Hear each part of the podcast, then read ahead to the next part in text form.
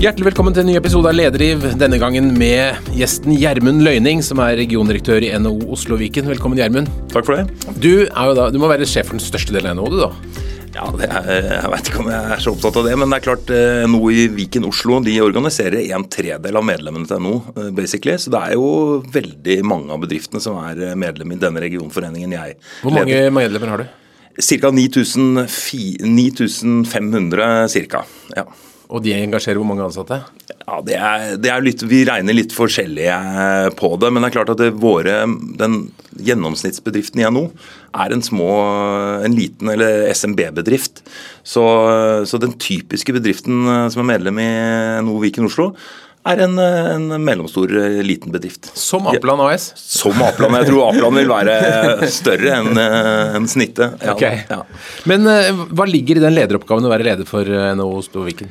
Nei, det, det, er jo både å være NOs ansikt ut i regionen eh, og møte lokale myndigheter, regionale myndigheter, men eh, sikre gjennomslaget for NOs posisjoner i det arbeidet. Men så er det også å være ørene til NHO, eh, være en kanal inn.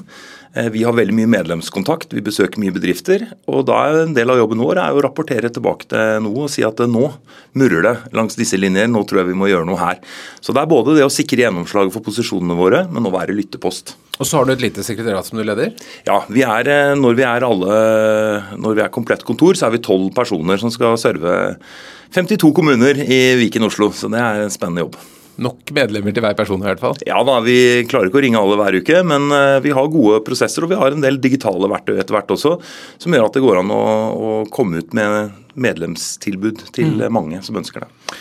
Eh, du har vært i NHO siden 2014, eh, eller kanskje enda mer, for du var i Energi Norge før det. Men, men du, jeg så du har hatt nesten ti forskjellige stillinger i NHO? Ja, det er kanskje grunnen til at jeg har vært der så lenge òg. At jeg opplever å være et sted hvor man kan gjøre eh, utvikle seg. Så jeg har vel vært i NHO i 13 år totalt sett, men jeg har ikke vært så lenge i hver, i hver jobb. Så det, da tenker jeg at da er det ikke farlig å være De vil ikke ha det, de dytter deg bare videre? Nei, Man ser kanskje at man kan bruke mulighetene og den kunnskapen jeg har på litt andre måter. Og det er jeg superfornøyd med at jeg kan jobbe et sted hvor det er karrieremuligheter også etter å ha vært noen år. Mm. Før du var til Energi Norge, så var du politisk rådgiver i Kultur- og kirkedepartementet, og så var du gruppesekretær for KrF i Oslos bystyregruppe, og så var du i Gyldendal Multimedia, så var det første jobb i 2000. Og da tenkte jeg multimedia, det er sånn Jeg har, jeg har ikke hørt eh, det uttrykket på veldig lenge nå. Hvordan går det med i multimediebransjen? Nei, det, det, var jo litt sånn uh, veldig spennende å jobbe i et forlag med digitalisering. Uh, for det er jo på en måte litt utfordre hovedvirksomheten.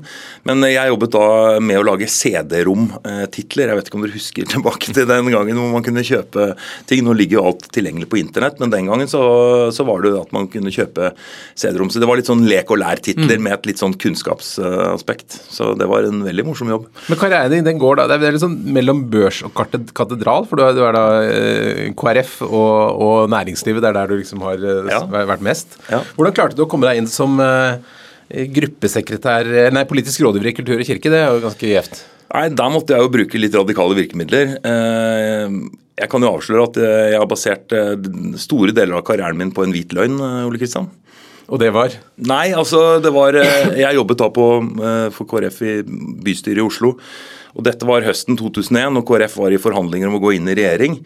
Det var nok, og Jeg hadde vært aktiv i KrFU og, og jobbet da i KrF i Oslo.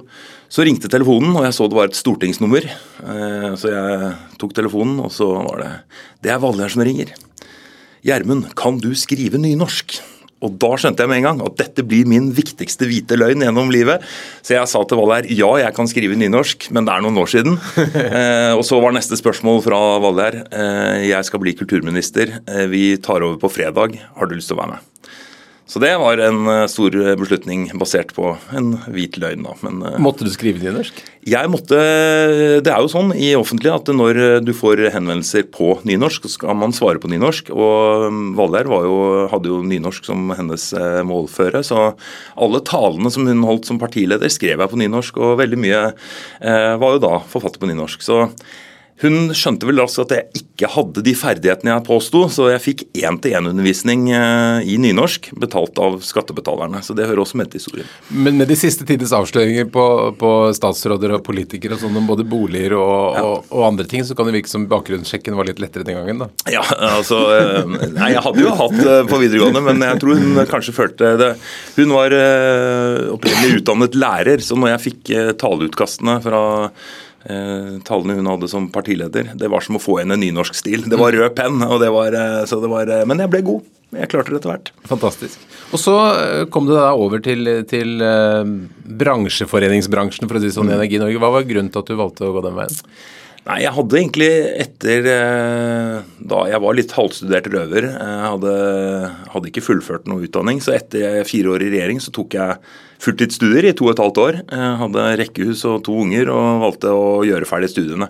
Og Da var jeg ganske tydelig på at jeg hadde lyst til å bruke det og jobbe i skjæringspunktet politikk, næringsliv. Det var liksom det jeg drømte, drømte om. Så da var jo veien kort til Energi Norge og jobbet for kraftbransjen med rammevilkår. Det var spennende. Så det er egentlig lobbying som har vært din jobb da i ganske mange år nå? Ja, jeg har eh, jobbet mye med det. Jeg skrev også masteroppgave om effekten av lobbyisme, så, så jeg har vært i, i det sporet veldig, veldig mye. Hva var konklusjonen? På, i oppgaven?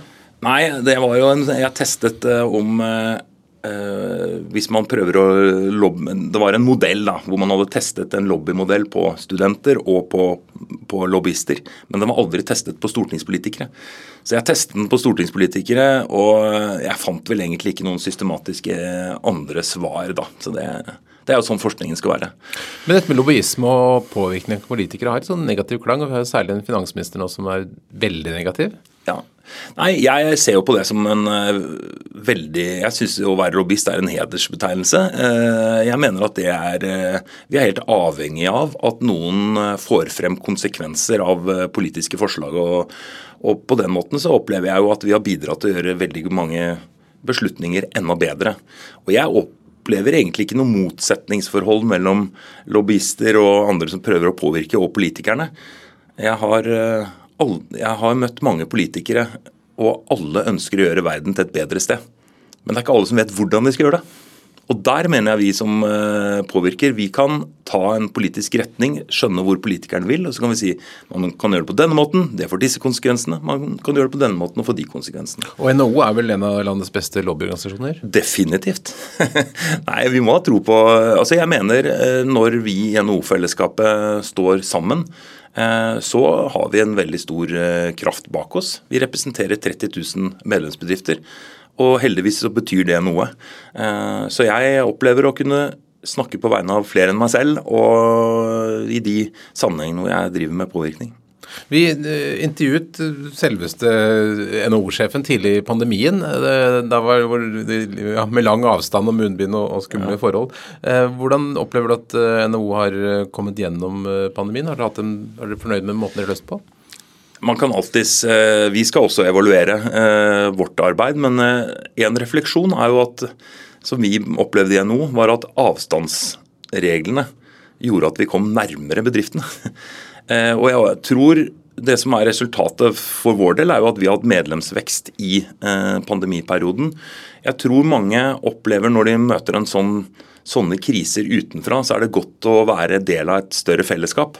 Og det kunne vi tilby NHO. og vi, Gjennom digitale løsninger eh, så kom vi veldig tett på medlemmene.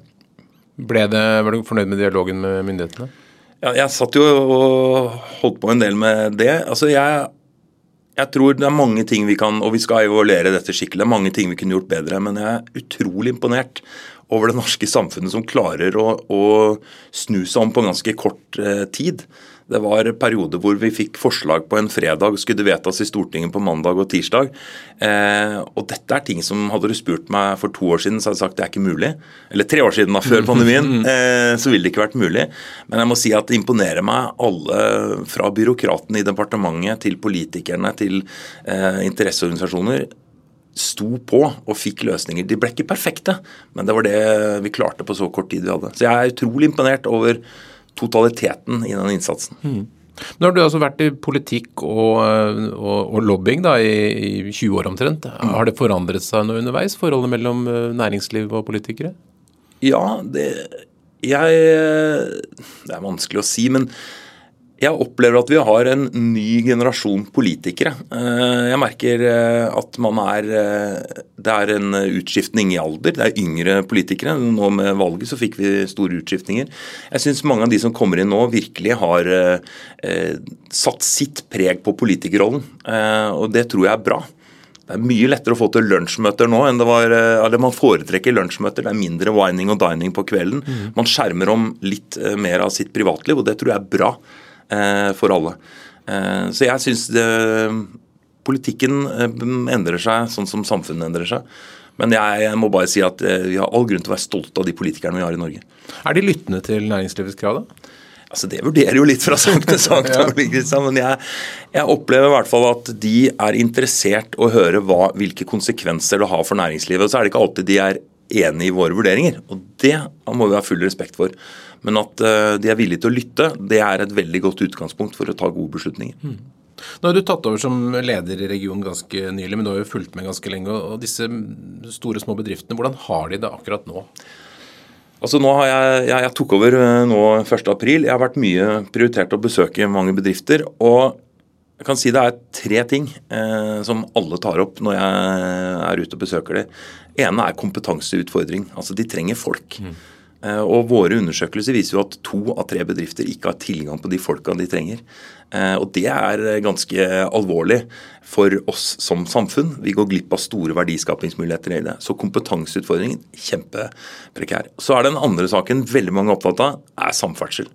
Om det er vei, bane, om det er eh, sykkeltilgjengelighet, så er det det generelt viktig med samferdsel, og særlig den veien som er mellom lageret og markedet. Mm. Så det er noe veldig mange er opptatt av. Og så er det tredje som eh, jeg møter mye, er jo krigen og konsekvensen av det. Og ikke minst også strøm og kostnadene på strøm.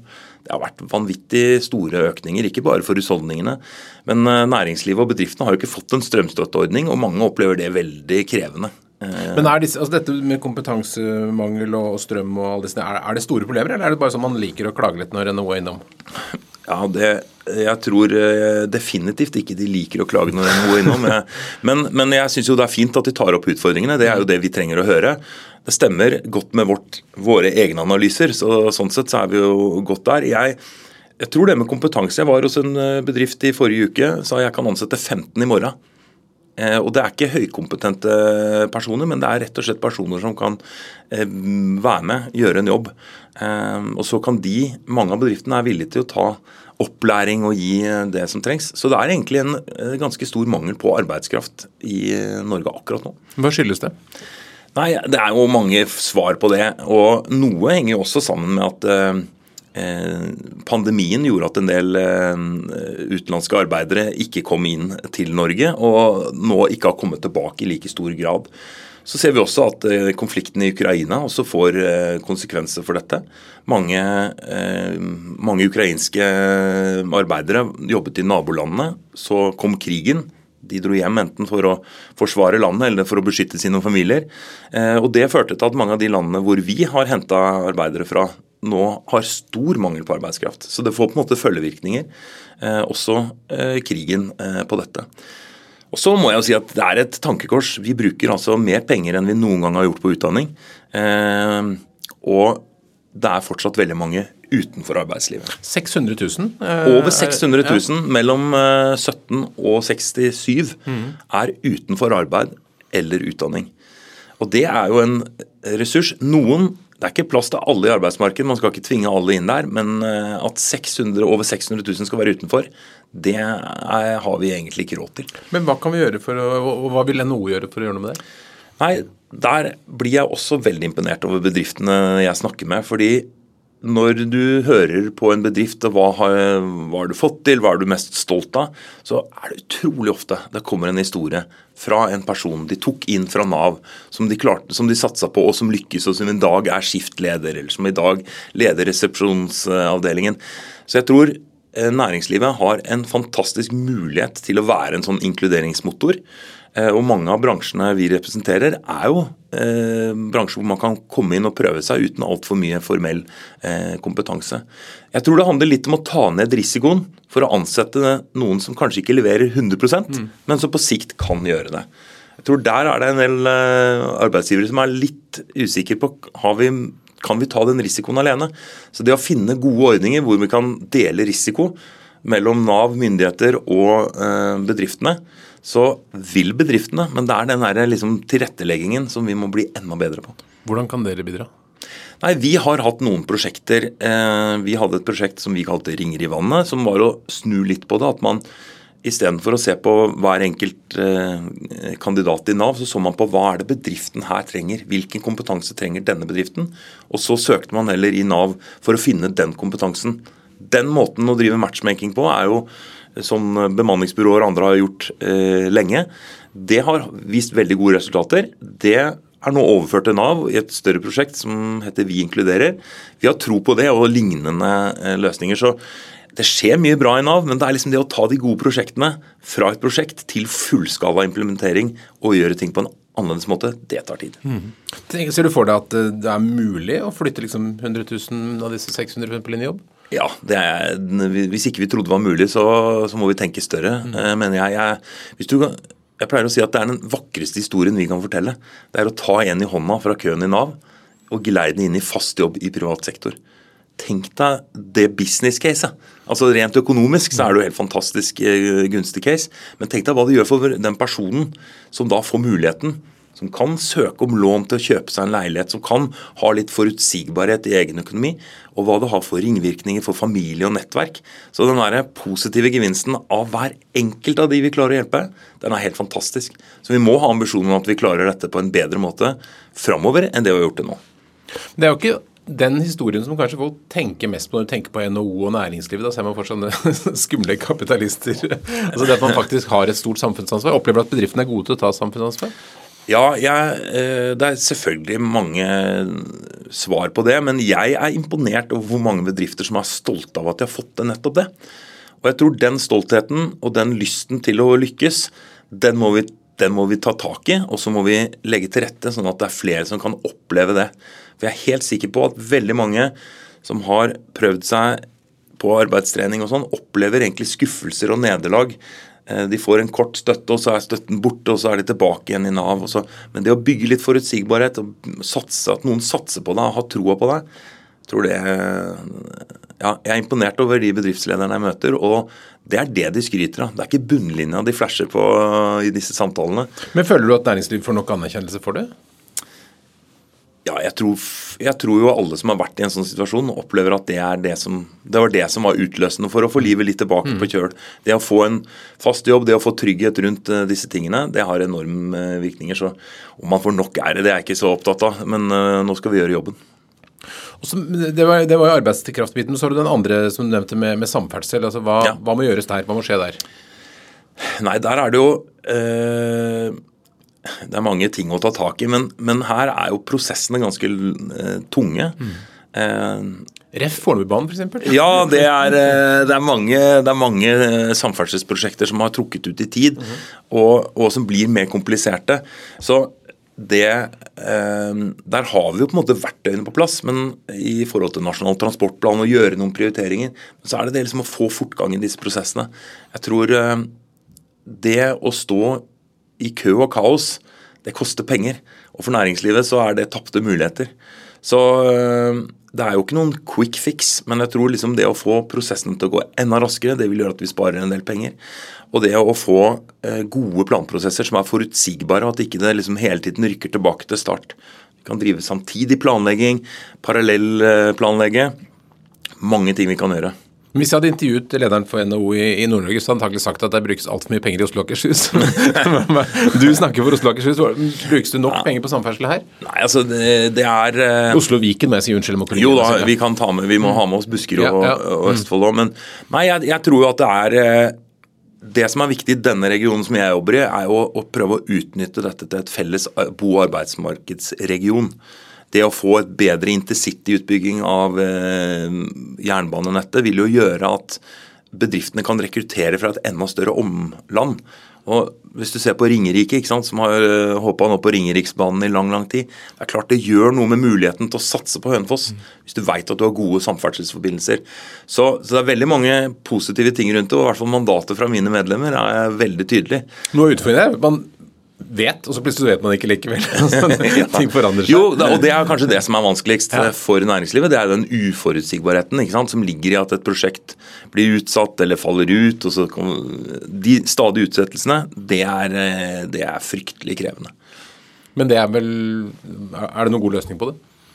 Nei, altså det, Jeg tror jo man må man må finne gode balanser. ikke sant? Så har du diskusjoner rundt bompenger og kostnadsfordeling og sånn. og jeg tror Man må bare være så Man må stikke fingeren i jorda og si at eh, noe brukerbetaling må man få til hvis man skal realisere større samferdselsprosjekter. Så er ikke det populært å si, men jeg tror det er, eh, det er riktig. Jeg tror det er bedre enn å late som at vi skal få til alt med at staten tar regninga. Eh, og så blir det bare planer. Det mine medlemmer er opptatt av, det er vei og bane, ikke mm. planer. Det har de nok av. Men den tredje barrieren du nevnte med krigen og, ja. og mangel på tilgang av materialer og sånne ting, er det noe NHO kan gjøre der? Nei, men jeg tror vår, i hvert fall min rolle, da, det er jo også å være talerør for bedriftene. Mm. Det å få fram noen av konsekvensene. Så kan ikke vi fikse verdikjedene på metaller og mineraler og dette, men det å, å få fram kan, Noen ganger kan det være krevende for ett medlem eller en bedrift å stå fram og ta belastningen for det. Eh, da kan vi spille en rolle og være en, eh, et talerør på vegne av bedriftene i regionen. Og dette er jo ikke noe som bare treffer Viken Oslo, det treffer eh, globalt. Mm. Så her er det jo å se om man kan legge til rette for ting, sånn at man kan gjøre ting på en litt annen måte i framtida.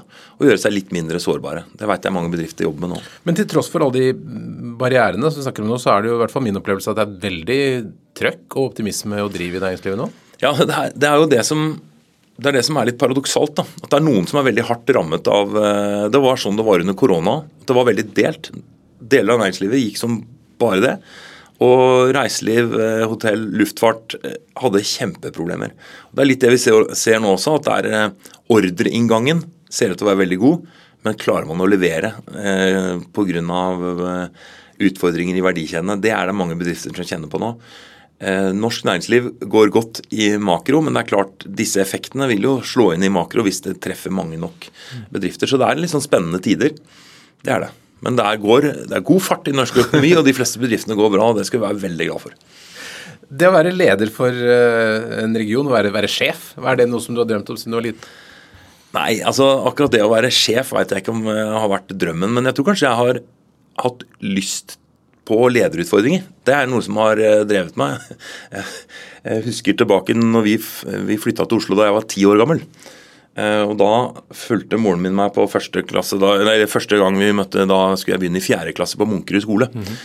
Og Da skulle de velge elevrådsrepresentant. og Da var det en lyslugga kar på bakerste benk som rakk opp hånda veldig tydelig, og dette vil jeg. Eh, da tror jeg mamma kanskje var litt småflau i forhold til frimodigheten til unge Løyning. Men jeg, ble ikke elevrådsrepresentant, og jeg har ikke fått mange av de lederutfordringene jeg kanskje sjøl trodde jeg skulle få. Men etter hvert så har jeg jo fått prøve meg som leder òg. Jeg syns det er kjempespennende. Men kanskje ikke først og fremst det å være sjef. Det er mer det liksom å lede et team som kan få til noe sammen. Det er jo det som driver meg, altså. Mm. Men når du nå flytta inn kanskje på nytt kontor, fikk en ny sjefsrolle, har du tanker om hvordan du skal være som leder for regionen? Ja, jeg tror jeg skal være meg sjøl. Eh, og jeg har alltid tenkt at eh, jeg ønsker å være en person som folk har lyst til å jobbe med. Eh, og det er viktig å bevare som leder også. Eh, det at du kan dra et team i en retning, peke en kurs, og så få med deg folk på det. Det er det som trigger meg med det. Og så er det en del av jobben selvfølgelig å ta noen avklaringer og, og sånn, men jeg opplever at jeg sier veldig sjelden nei. Det er veldig sånn få beslutninger. Det er eh, mer det å peke kurs og, og, gjøre ting sammen med kollegene. og Det syns jeg er strålende. Er det noen spesielle ledere som har inspirert deg underveis? Jeg tenkte litt på det uh, i forkant av dette. og en av de, Den aller første jobben jeg hadde, den står ikke på CV-en min engang, men det var en jobb i Norset herreklær i Bogstadveien. Ja.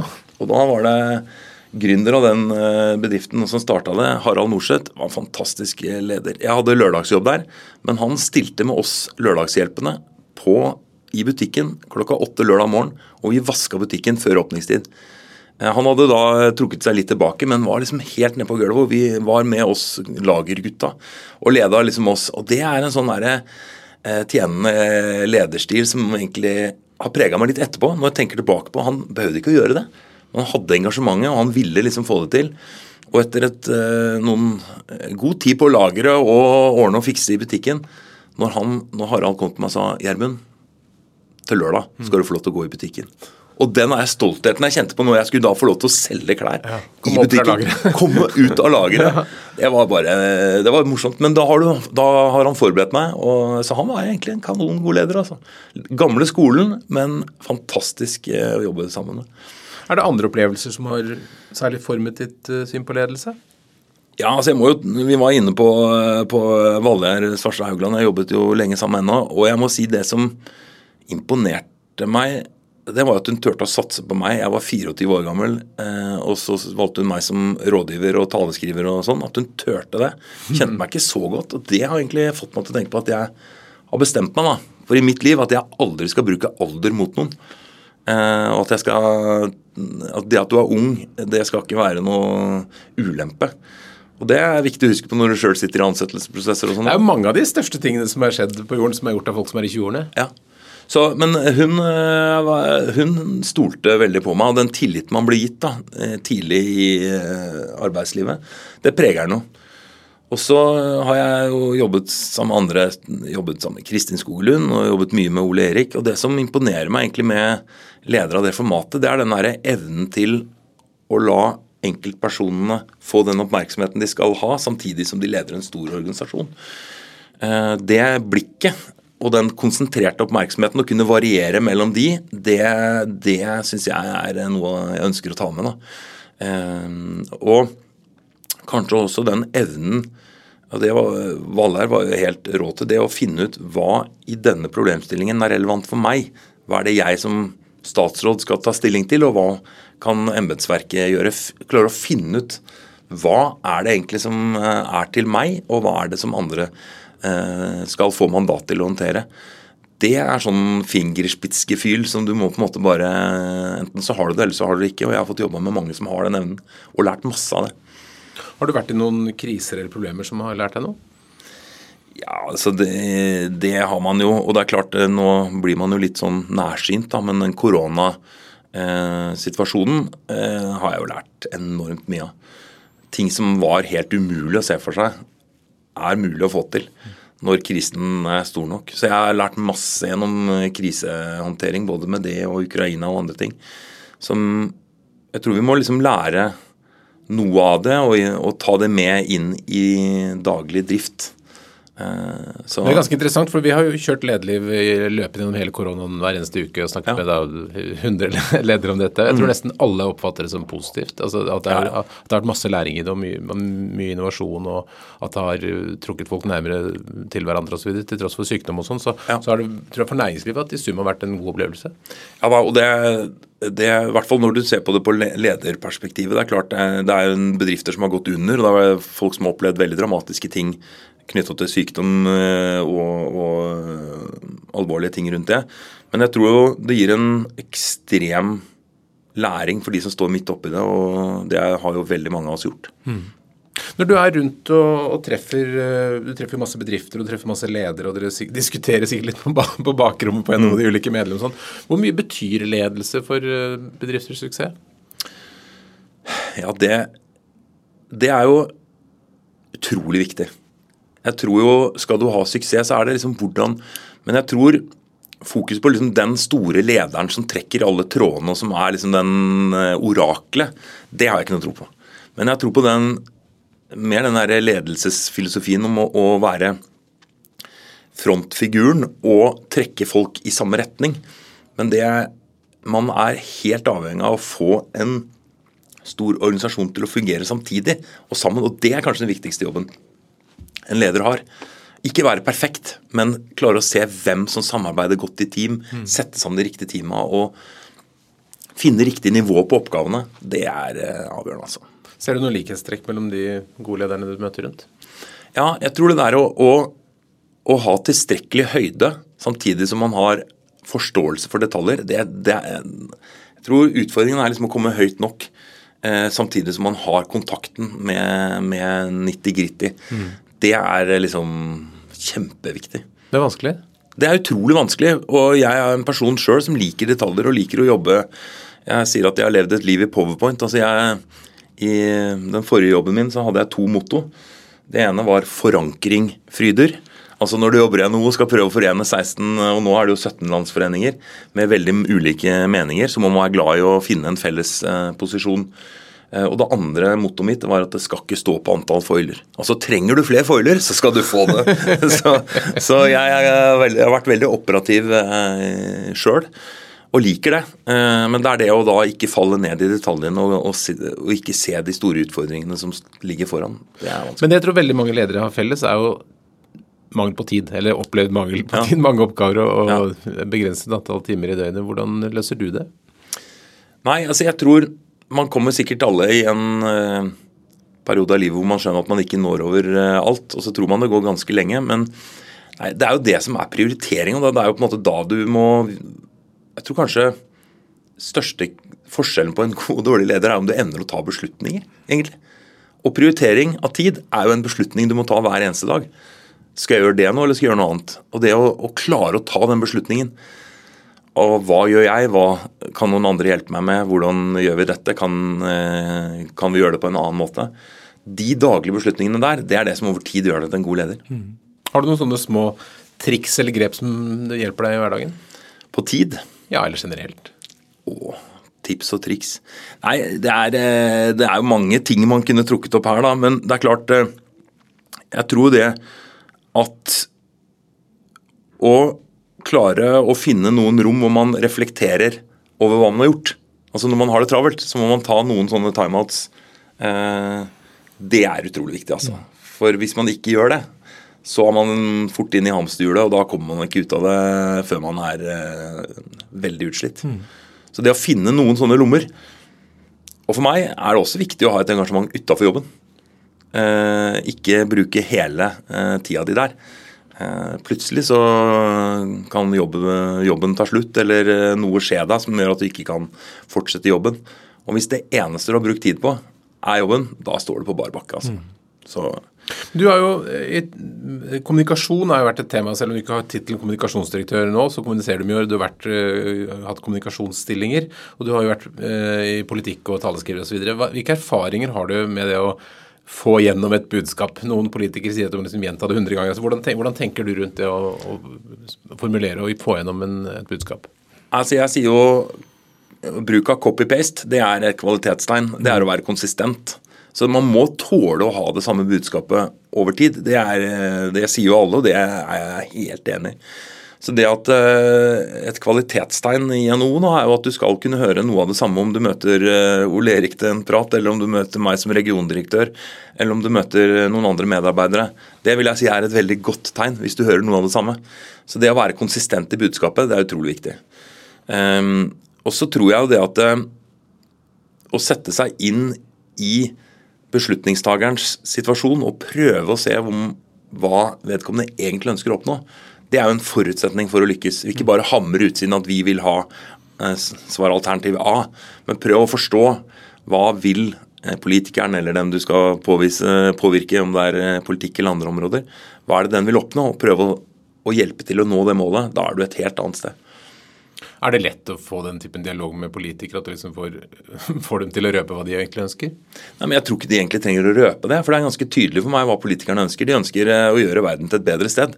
Og så har de litt ulike svar på akkurat det spørsmålet. Men eh, jeg opplever ikke at det er noe hemmelig eller vanskelig å få tak i. De har sine partiprogrammer, de har sin politikk som de har valgt på å gjennomføre. Og da må vi eh, som ønsker å påvirke dette, se ja, hva er det de ønsker, og hvordan kan vi bistå det. Mm. Så jeg syns ikke det er vanskelig å finne ut hva politikerne vil, men uh, å få de til å eh, lytte, det er jo ikke alltid uh, lett. Men det sånn. Men du har også en ganske krevende jobb med å kommunisere med alle disse medlemmene dine. For det, det er jo folk som, som, vi var inne på, har dårlig tid. Ja. Hva er den mest effektive kanalen?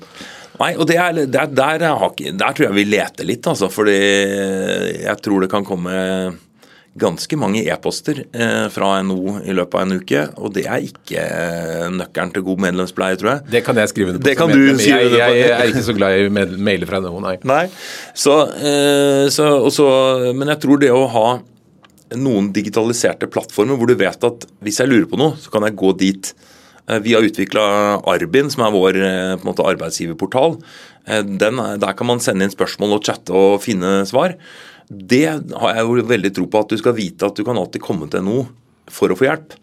Og så skal jeg være ute og snakke med så mange jeg kan, men jeg får ikke prata nok med alle medlemmene. Så jeg tror liksom det å, en kombinasjon av det å være til stede, det å være åpent tilgjengelig, men også ha noen digitale løsninger som gjør at vi kan jeg tror folk vil ha den informasjonen de søker etter. De trenger ikke alt mulig annet vi tror kan være interessant i en e-post.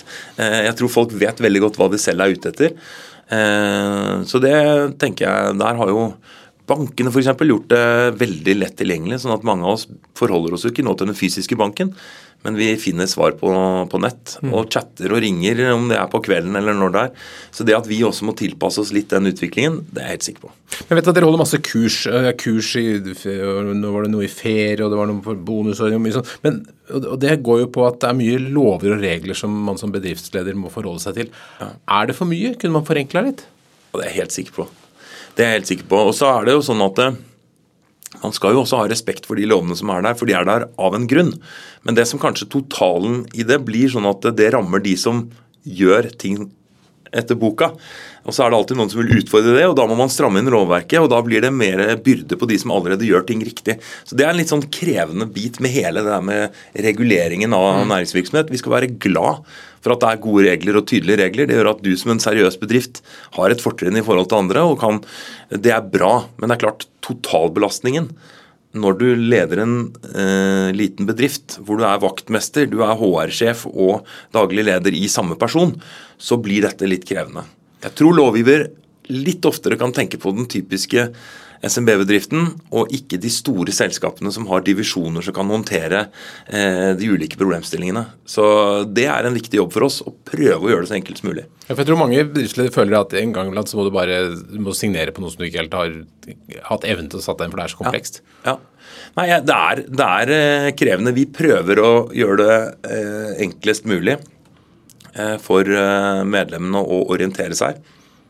Men at det er krevende, det skjønner jeg. Og det, litt av utfordringen er jo at mange av bedriftslederne har jo ikke hjertet sitt i å være revisor. Ikke sant? Det de har i hjertet sitt, er å skape noe. De har en idé, de har en visjon, de har noe de vil gjøre. Så den eh, compliance-biten blir jo noe de er nødt til å ha. Men kanskje ikke der, der hjertet ligger, og da blir det litt sånn eh, irritasjonsmoment. Mm. Eh, det har jeg full forståelse for. Hvordan står det til med bærekraften? Bærekraftsmålene, er det noe som dere nå er opptatt av? Vi er eh, altså alle Det er jo noe av det som jeg syns har kanskje vært en interessant refleksjon i den perioden jeg har jobbet i NHO-systemet. da. Når jeg begynte for 13 år siden, så var liksom eh, bærekraft og klima det var liksom egne seminarer. Eh, side events på de store konferansene som handlet om det. Sette litt på spissen og kanskje må litt lenger tilbake i tid. Men nå er det jo på en måte på alle agendaer i styrerommene. Det er ingen strategiske beslutninger i dag som ikke, hvor man ikke tar inn dette elementet. Så vi jobber mye med bærekraft, og så er det det å finne vår rolle i det. For bedriftene våre er veldig gode, eh, mange, men jeg tror også her at det er en del SMB-bedrifter som kunne tenke litt veiledning. Hvordan gjør jeg dette på en smart måte? Nå ser vi at det kommer en regulering fra EU som vil treffe næringslivet de neste årene.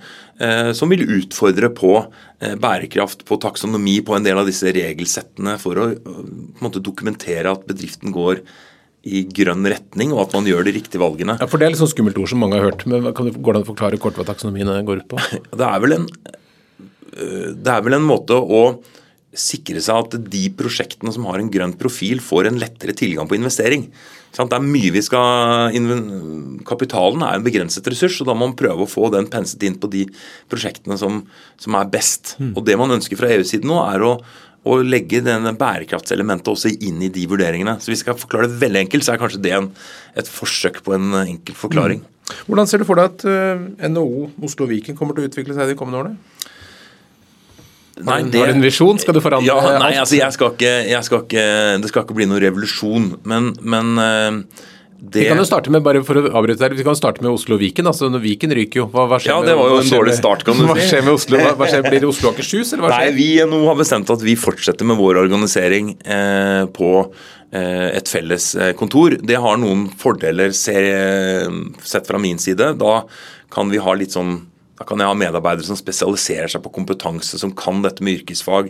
Jeg kan ha folk som er gode på samferdsel. Mm. Hvis vi hadde delt oss opp i tre kontorer, da, et eget Østfold og et eget Buskerud-kontor, så ville liksom 30% av tiden så jobber du med det, og 15 jobber du med det. Så nå kan vi spesialisere oss litt. Og så mener jeg jo at det henger sammen, selv om ikke den politiske enheten er eh, festa eh, i en Viken-region, så er det jo ikke sånn at det er byer mot byer eller regioner mot regioner. Det er jo en global konkurranse mange av bedriftene våre står i. Så det å kunne se det i en litt større sammenheng, det tror jeg bedriftene er tjent med. Så trenger vi ikke flere direktører i NHO, da. det får holde med Men tenker du at NHO Oslo Viken skal se annerledes ut om noen år? Ja, jeg tror Jeg har jo veldig tro på dette jeg snakket om eh, å utvide bo- og arbeidsmarkedsregionen. og Der tenker vi kanskje litt sånn lite vi er litt sånn opptatt av vår egen uh, tue, men jeg tror egentlig også hvis du ser aksen uh, nedover mot Sverige, du kan koble på København, så har du ganske store eh, motorer i en litt mer internasjonal sammenheng. Så jeg tror det å liksom klare å ha fokus på en litt større enhet. Da. Det, og da tenker ikke jeg Viken som løsningen, mm. men at man også kan tenke Fordi kampen om de kloke hodene den kommer bare til å bli enda tøffere. Så vi må, vite, vi må vise fram at det er et stort omland rundt den regionen vi bor i, at bedrifter på Hønefoss er en del av en større ting. At bedrifter i Halden er en del av et større. Så Det tror jeg blir viktig. Altså. Og Da er samferdsel, eh, kompetanse og disse tingene her utrolig viktig å få på plass. Men Dere leverer jo en tjeneste. Folk må melde seg inn og betale kontingent for å være med. og sånn. Er det, Ser du at behovene for, for en uh, organisasjon som NHO er i endring? Stiller nye krav til dere? Ja, Det er jo i hvert fall utrolig Vi har en eh, strategi nå mot 2025 som vi er godt i gang med å implementere. Og Det som er eh, selvfølgelig viktig for NHO, er jo hele tiden å representere næringslivet. Ikke gårsdagens næringsliv, men også bedriftene som nå starter opp, sånn at vi er relevante også for nye industrier, for nye startups. Og Der har vi en jobb å gjøre. At, vi, at vi hele tiden klarer å liksom revitalisere oss som næringslivets stemme. Og det holder ikke å gjøre én gang, og så har du det, men du må gjøre det relevant for hele tiden nye bedrifter. Det er jo noe vi jobber ganske mye med, og som er helt avgjørende. Og så er det, Jeg tror modellen vår funker, og så er det sikkert ting vi skal se på der, men jeg tror mange bedrifter opplever at det er bra å være med i, en, i et større fellesskap. Og Vi kan jo tilby medlemskap i regionforeningen, du kan få eh, medlemskap i en landsforening, altså bedrifter som ligner på deg. Og så er du med i det store fellesskapet som er NHO noe eh, sentralt også. Så jeg tror liksom den treenigheten der, da, den mm. er en, et godt verdiforslag til bedrifter. Så. Så men så krever det også, hvis en forening skal fungere, så må man også ha mennesker som engasjerer seg i styrer og stell og blir tillitsvalgt. Ja. Er det nok interesse for å bidra i en forening, eller er man mest opptatt av seg og sitt? Nei, altså Jeg opplever at det er, det i hvert fall sånn at de bedriftene som engasjerer seg, er de mest fornøyde bedriftene. De bedriftene som har kontakt med noe, og de som velger å engasjere seg som tillitsvalgte, de sier i hvert fall at de opplever å få mye igjen for det. Um, og det er jo det som man kan oppleve, er at man får kontakt med andre bedriftsledere, kanskje i litt andre sammenhenger. Eh, og i styret i Viken Oslo, vi har ulike organer hos oss, da kan man jo møte bedrifter fra helt andre næringer som man kanskje ikke møter på bransjetreff. Mm. Så, jeg opplever det er en attraktiv arena å være på, være tillitsvalgt i NHO. Og det er i hvert fall noe jeg må jobbe for at det fortsatt skal være. Mm. For uten tillitsvalgte så er vi jo ingenting. Hva er det du syns er krevende jobben? Hva grubler du på? Nei, altså det er, eh, det er jo um, akkurat den å finne balansen mellom hvordan du skal være um, talerør og, og ikke være liksom den som kommer med krav til staten hele tiden, eller til politikerne hele tiden. Finne den balansen mellom å være løsningsorientert og være en tydelig så liksom den pisk-gulrot-balansen syns jeg kan være krevende å finne. Men ellers så er det jo jeg syns det er masse spennende muligheter. Jeg er liksom ikke så glad i å se på, på Jeg er litt sånn positivt anlagt, tror jeg det er. Så jeg ser egentlig store muligheter. Mm. Mm. Når koser du deg mest i jobben? Vet du, Nå har jeg fått veldig sånn eh, Jeg syns det er utrolig gøy å besøke bedrifter. å snakke med bedriftsledere, hvilke utfordringer de står i. Jeg lærer utrolig mye om ledelse av det òg. Så jeg er på sånn konstant ledelseskurs og får eh, snakke med utrolig mye spennende folk som har forskjellige utfordringer. Så håper jeg at vi fra NHO kan bidra til å gjøre hverdagen litt enklere på noen områder. Er det noen bedrifter som har imponert deg i det siste? Ja, det, det, altså Jeg kommer jo hjem hver Jeg har ikke vært skuffa én dag på veien ennå. Det er utrolig Det som kanskje imponerer meg, det er liksom bedrifter som finner en nisje en global nisje liksom, i Hallingdal eller hvor de holder til, så er det liksom De er best i verden på én ting. Mm. Og det er kanskje noe av det jeg syns er noe av det vakreste da, med, med liksom den norske modellen, er jo at vi har høy grad av tillit, vi har høy grad av samarbeid. Og når f.eks. miljøet på Kongsberg da, utvikler en ny, eh, far, en ny farkost, så har de med seg 100-150 små og mellomstore bedrifter som underleverandører og kan ta de ut internasjonalt i eksportmarkedet. Det er fantastisk spennende, der, det samarbeidet som er mellom ulike deler av næringslivet. Det syns jeg er utrolig gøy å oppleve. Mm.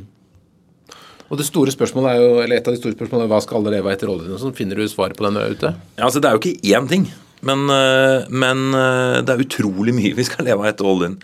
Um, så uh, de som liksom har produkt eh, X er den nye oljen, den har jeg ikke noe tro på. Men det vi skal leve av etter oljen, er jo humankapitalen vår. Det er jo det som sitter i hodene våre. Og det å liksom få eh, entreprenørskapet, der, liksom, det er kanskje noe jeg også brenner for. Da, at flere unge skal oppleve liksom, lyst til å skape noe. Eh, for der kan vi bli litt sånn eh Miste litt eh, Det kan bli veldig trygt å velge en annen retning. Men å liksom ha troen på en idé, gå for det og satse på det, det, det, er mange som det er mange som viser deg at ting ikke er mulig. Men det liksom å beholde troa, det er utrolig viktig og utrolig verdifullt for verdiskapning i Norge. At vi har mange nok som tør det. Og Der kan jo dere bidra til å heie folk frem? Definitivt. Vi har masse spennende programmer der, men det, er, det må du, det må være noen. Du har jo leder en bedrift og har troa på det. ikke sant? Du må, dem, du må, ha lyst til å gjøre det, du må føle det trygt å gjøre det. Mm. Uh, noe risiko er det selvfølgelig forbundet med det, men at du får liksom hjelp og støtte for å tørre det, det er utrolig viktig. Har du lyst til å starte bedrift selv noen gang? Altså det er i hvert fall, I mine øyne er det hverdagshelter eh, som jeg virkelig ser opp til. Jeg har ikke kommet på den geniale ideen, altså, men eh, det har måttet vært utrolig gøy å prøvd. Nå får du i hvert fall mye erfaringsgrunnlag. Ja. Til slutt, uh, Gjermund, hvis det kommer en ung person til deg og sier jeg vil bli en god leder, hva vil du si er de tre, de tre viktigste lederrådene vi gir? Tre viktige lederråd? Ja.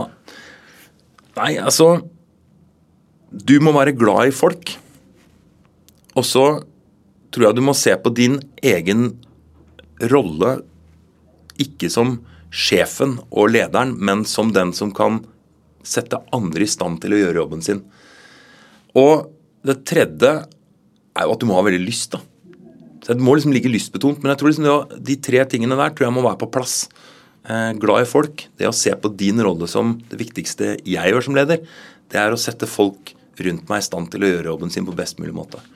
Også egentlig da glede og entusiasme, som sier. Lyst. Ja, det er, og det er på en måte Det må du ha med deg, altså, fordi det kommer nok av bumps down the road eh, til at du må liksom ha det der giret og det engasjementet. Det virker som du har mye glede i jobben din? Altså, Jeg har det helt Jeg, jeg sier at dette er den gøyeste jobben jeg noen gang har hatt. Og da fikk jeg en Jeg la det ut på Facebook, da fikk jeg en kommentar fra noen som men, men man kan jo ikke tro at det man driver med, ikke er det gøyeste. Da hadde jeg valgt noe annet, så jeg er bare superfornøyd. Så bra. Gjermund Lønning, tusen takk for at du kom til Lederliv. Takk for det. Takk for at du hører på Lederliv, som er en podkast fra Apeland. Redaksjonen består av Ingrid Hogneland, Lars Bolden, Lars Jarle Melum og Ole Kristian Apeland, som er meg. Vi er takknemlige for alle gode tips om ledere eller andre kommentarer og innspill. Kan sendes til meg, ole.apeland.no.